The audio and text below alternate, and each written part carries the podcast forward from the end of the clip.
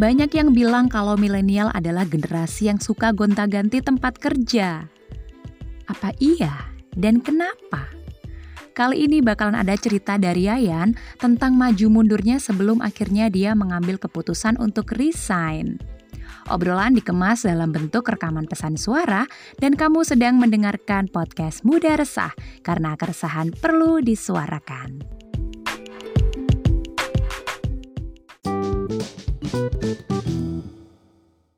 Halo Yan, how's life? Gimana perkembangan hidup Anda di tengah pandemi yang nggak tahu kapan akan berakhir ini? Hai Vini, kabarnya Alhamdulillah luar biasa. Apalagi di era pandemi kayak gini ya. Luar biasa banget perjuangannya untuk tetap sehat secara fisik, sehat secara mental, apalagi perjuangan untuk tetap sehat secara finansial. Uh, kenapa ngejawabnya kayak rada-rada getir ya Pak ya? Oke, kan jadi kita mau ngobrolin soal keputusan. Nah, sebenarnya kenapa aku mau kamu ada di topik ini? Karena uh, aku inget kamu pernah mengambil apa ya sebuah keputusan dalam hidup yang mungkin buat sebagian besar anak muda ini gak gampang. Ya, resign gitu. Resign waktu itu uh, boleh diceritain sedikit gak? Waktu itu kamu di BUMN kan ya? Itu kamu ceritain sekilas dong job desknya waktu itu kamu apa di sana? Kedengarannya getir ya, Vin. Tapi bukannya ini fakta ya. Kayak pandemi ini bener-bener berpengaruh terhadap semua sektor, bahkan semua orang gitu. Semua orang hampir kena dampak oleh pandemi yang gak ngerti kapan berakhirnya ini. By the way, pertanyaannya ini tentang keputusan masa lalu yang cukup banyak ya pertimbangannya. Um, bener sih, Vin. Aku dulu resign dari kantor BUMN yang bergerak dalam bidang transportasi. Dulu aku sebagai staf arsitek di unit bangunan yang job desk-nya sebenarnya kalau orang-orang lihat gitu job desknya kok cuma jalan-jalan sih gitu. Padahal enggak gitu. Job desknya lebih lebih kompleks lagi dari itu. Bahkan dibagi jadi dua kayak misalkan job desk ketika di dalam kantor dan juga job desk ketika di lapangan atau di sebuah project gitu. Overall uh, job desknya lebih banyak ke aku ngedesain sih gitu. Karena emang staff arsitek ya harus ngedesain ya gitu. Ketika di dalam kantor kemudian harus menyiapkan presentasi kemudian harus Eh, mengolah data gitu. Itu ketika di kantor. Kalau job desk di luar kantor atau di sebuah project, uh, kita harus hmm, kalau bahasanya itu harus survei ya gitu, survei lokasi. Terus kemudian harus ada sedikit pengawasan juga di project yang sedang dilaksanakan gitu. Kalau jalan-jalan sih bonus ya. Jadi dari beberapa job desk tadi bonusnya itu jalan-jalan karena proyeknya kan ada di beberapa tempat yang berbeda, bahkan ada di beberapa kota yang berbeda gitu. Oke okay, oke, okay, I see. Kalau dari penjelasanmu tadi kayaknya baik-baik aja ya, kayaknya asik-asik aja gitu job desknya. Jadi kenapa ada terpikir untuk resign? Faktor pendorong sama penariknya apa? Mau jawab gak sih bagian ini? Emang terdengar sangat asik dan sangat menarik gitu ya. Setiap hari aku berangkat kerja dari pagi hari terus pulangnya kadang sore, kadang malam gitu. Sebenarnya enjoy gitu. Aku ngejalaninnya itu enjoy. Terus kemudian di lingkungan kantor juga orangnya baik-baik, terus kekeluargaan Terus kalau misalkan aku bosen di kantor, ada opsi untuk uh, visit project tadi. Tapi kalau ditanya faktor penarik dan faktor pendorong buat resign, aku jawabnya faktor penarik karena aku lelah. Faktor pendorong karena I wanna fly higher. Aku mau terbang lebih tinggi gitu, lebih dari ini terdengar uh, ini ya sedikit kontradiktif ya karena kita manusia pastinya pengen lebih baik gitu ya Jadi aku pengen punya karir yang lebih dari itu, terus penghasilan yang lebih dari itu juga. Intinya pengen lebih baik sih. Tapi bukan berarti aku gak bersyukur ya. Aku bersyukur, bersyukur banget. Bahkan karena aku diberi kesempatan yang tidak semua orang mendapatkan kesempatan ini. By the way ini ada cerita unik sih, ada cerita yang ada kaitannya dengan keputusan untuk resign gitu. Jadi waktu itu aku sedang melakukan perjalanan pakai kereta, terus aku satu gerbong sama salah satu pensiunan pegawai BUMN. Beliau sempat bilang, kenapa ya mas ya, milenial sekarang itu identik dengan resign. Milenial zaman sekarang itu identik dengan berpindah-pindah kerjaan, berpindah-pindah kantor, kayak gitu. Ya aku jawab dong, mungkin mereka pengen bereksplorasi pak. pengen mencoba sesuatu hal yang baru, aku gitu kan. Itu yang ketemu bapak-bapak di kereta itu sebelum atau uh, habis kamu resign? Itu ketemunya beberapa bulan setelah aku resign. Karena aku sudah berjanji pada diriku aku harus tahu lebih banyak lagi dunia luar gitu.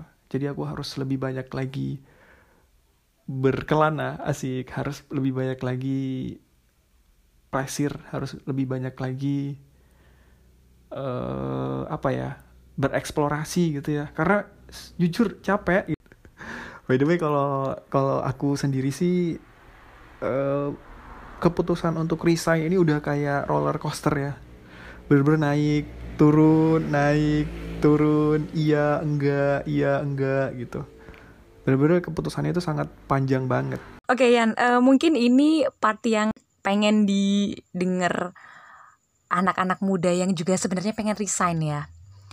Apa aja sih persiapannya, pertimbangan untuk sampai akhirnya berani untuk resign itu apa? Soalnya kalau kita nggak ada prepare apa pun kan jadi gambling gitu. Kehidupan setelah resign akan kayak gimana? Itu kan nggak tahu. Jadi kamu waktu itu sudah sampai di persiapan apa aja sebelum mengajukan surat resign? Kayaknya nggak mungkin yang bener-bener nggak tahu kan ya mau ngapain. Kalau ditanya soal persiapan, uh, persiapan aku tuh sebenarnya jauh-jauh hari, bahkan bukan jauh-jauh hari ya, jauh-jauh bulan gitu. Berbulan-bulan, bahkan hampir hampir satu tahun ya aku mempersiapkan diri untuk resign gitu. Karena bener-bener ini tuh keputusan yang sangat berat sih menurut aku gitu. Nggak tahu sih kalau menurut orang lain ah lebay ah masa sih cuman buat resign aja sampai segitunya gitu. Tapi emang bener. Karena pertama aku mikir waduh buat kerja di sini itu susah loh gitu. Meskipun aku itu sebenarnya sebagai salah seorang staff yang harus kontrak setiap tahun pin gitu. Jadi kalau mau tetap kerja di situ ya harus tanda tangan kontrak gitu. Tapi nggak semua orang loh dapat kesempatan seperti itu ya kan?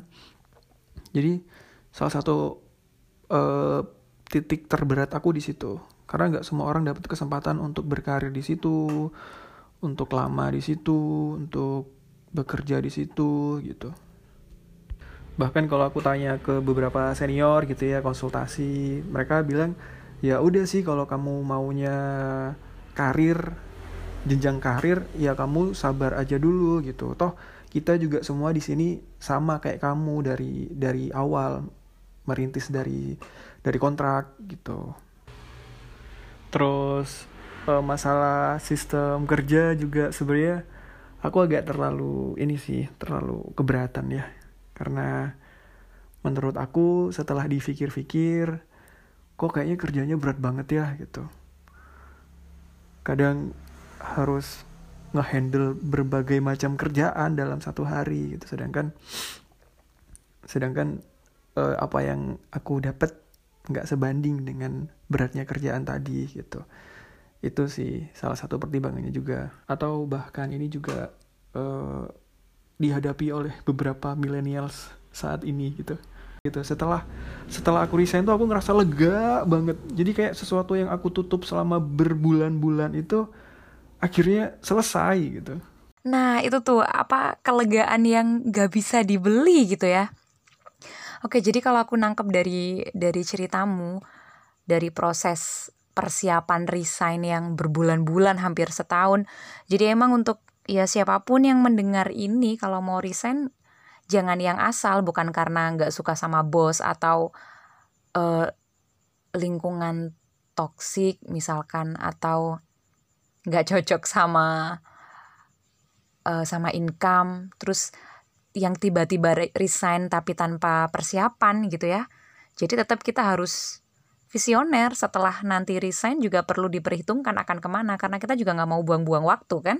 Agak banget karena ada cerita ini sih ada cerita lucu ya. Lucu, antara lucu dan sedih sih ini. Jadi sebelum aku bilang ke atasanku kalau aku mau resign tiba-tiba aku sempat sakit.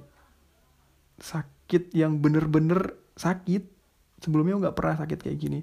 Tiba-tiba perutku sakit terus kemudian kepalaku sakit pusing sepusing-pusingnya. Karena mungkin ini efek dari pikiran tadi ya terlalu banyak mikir sampai akhirnya aku drop dan jatuh sakit itu tadi. Nah plan setelah resign itu emang harus benar-benar jelas sih gitu. Kalau aku aku emang tujuannya yang pertama aku pengen istirahat aku pengen mengistirahatkan otakku. Aku pengen mengistirahatkan badanku. Minimal dua minggu lah gitu. Atau satu bulan lah maksimal gitu. Aku pengen bener-bener istirahat. Nggak mau yang mikir terlalu berat gitu. Karena sebelumnya juga aku melibatkan beberapa orang terdekat aku sih gitu. Jadi jadi sebelum mengambil keputusan ini aku melibatkan pertama orang tua aku gitu. Terus kemudian aku melibatkan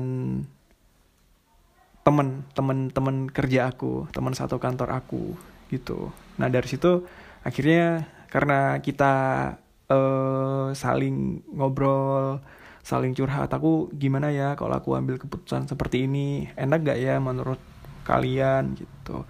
Pertimbangannya seperti apa? Butuh waktu untuk berhenti sejenak gitu ya untuk melanjutkan perjalanan. Nah setelah istirahat itu apa proses yang kamu lanjutkan apa? Jadi setelah proses istirahat tadi akhirnya aku menemukan jalanku kembali. Jadi aku memutuskan untuk memulai dan merintis usahaku sendiri. Dan di situ aku ngerasa lebih enjoy ngerasa lebih baik lebih baik lagi dari sebelumnya gitu itu dia cerita dari Yayan. Jadi kapan kamu mau resign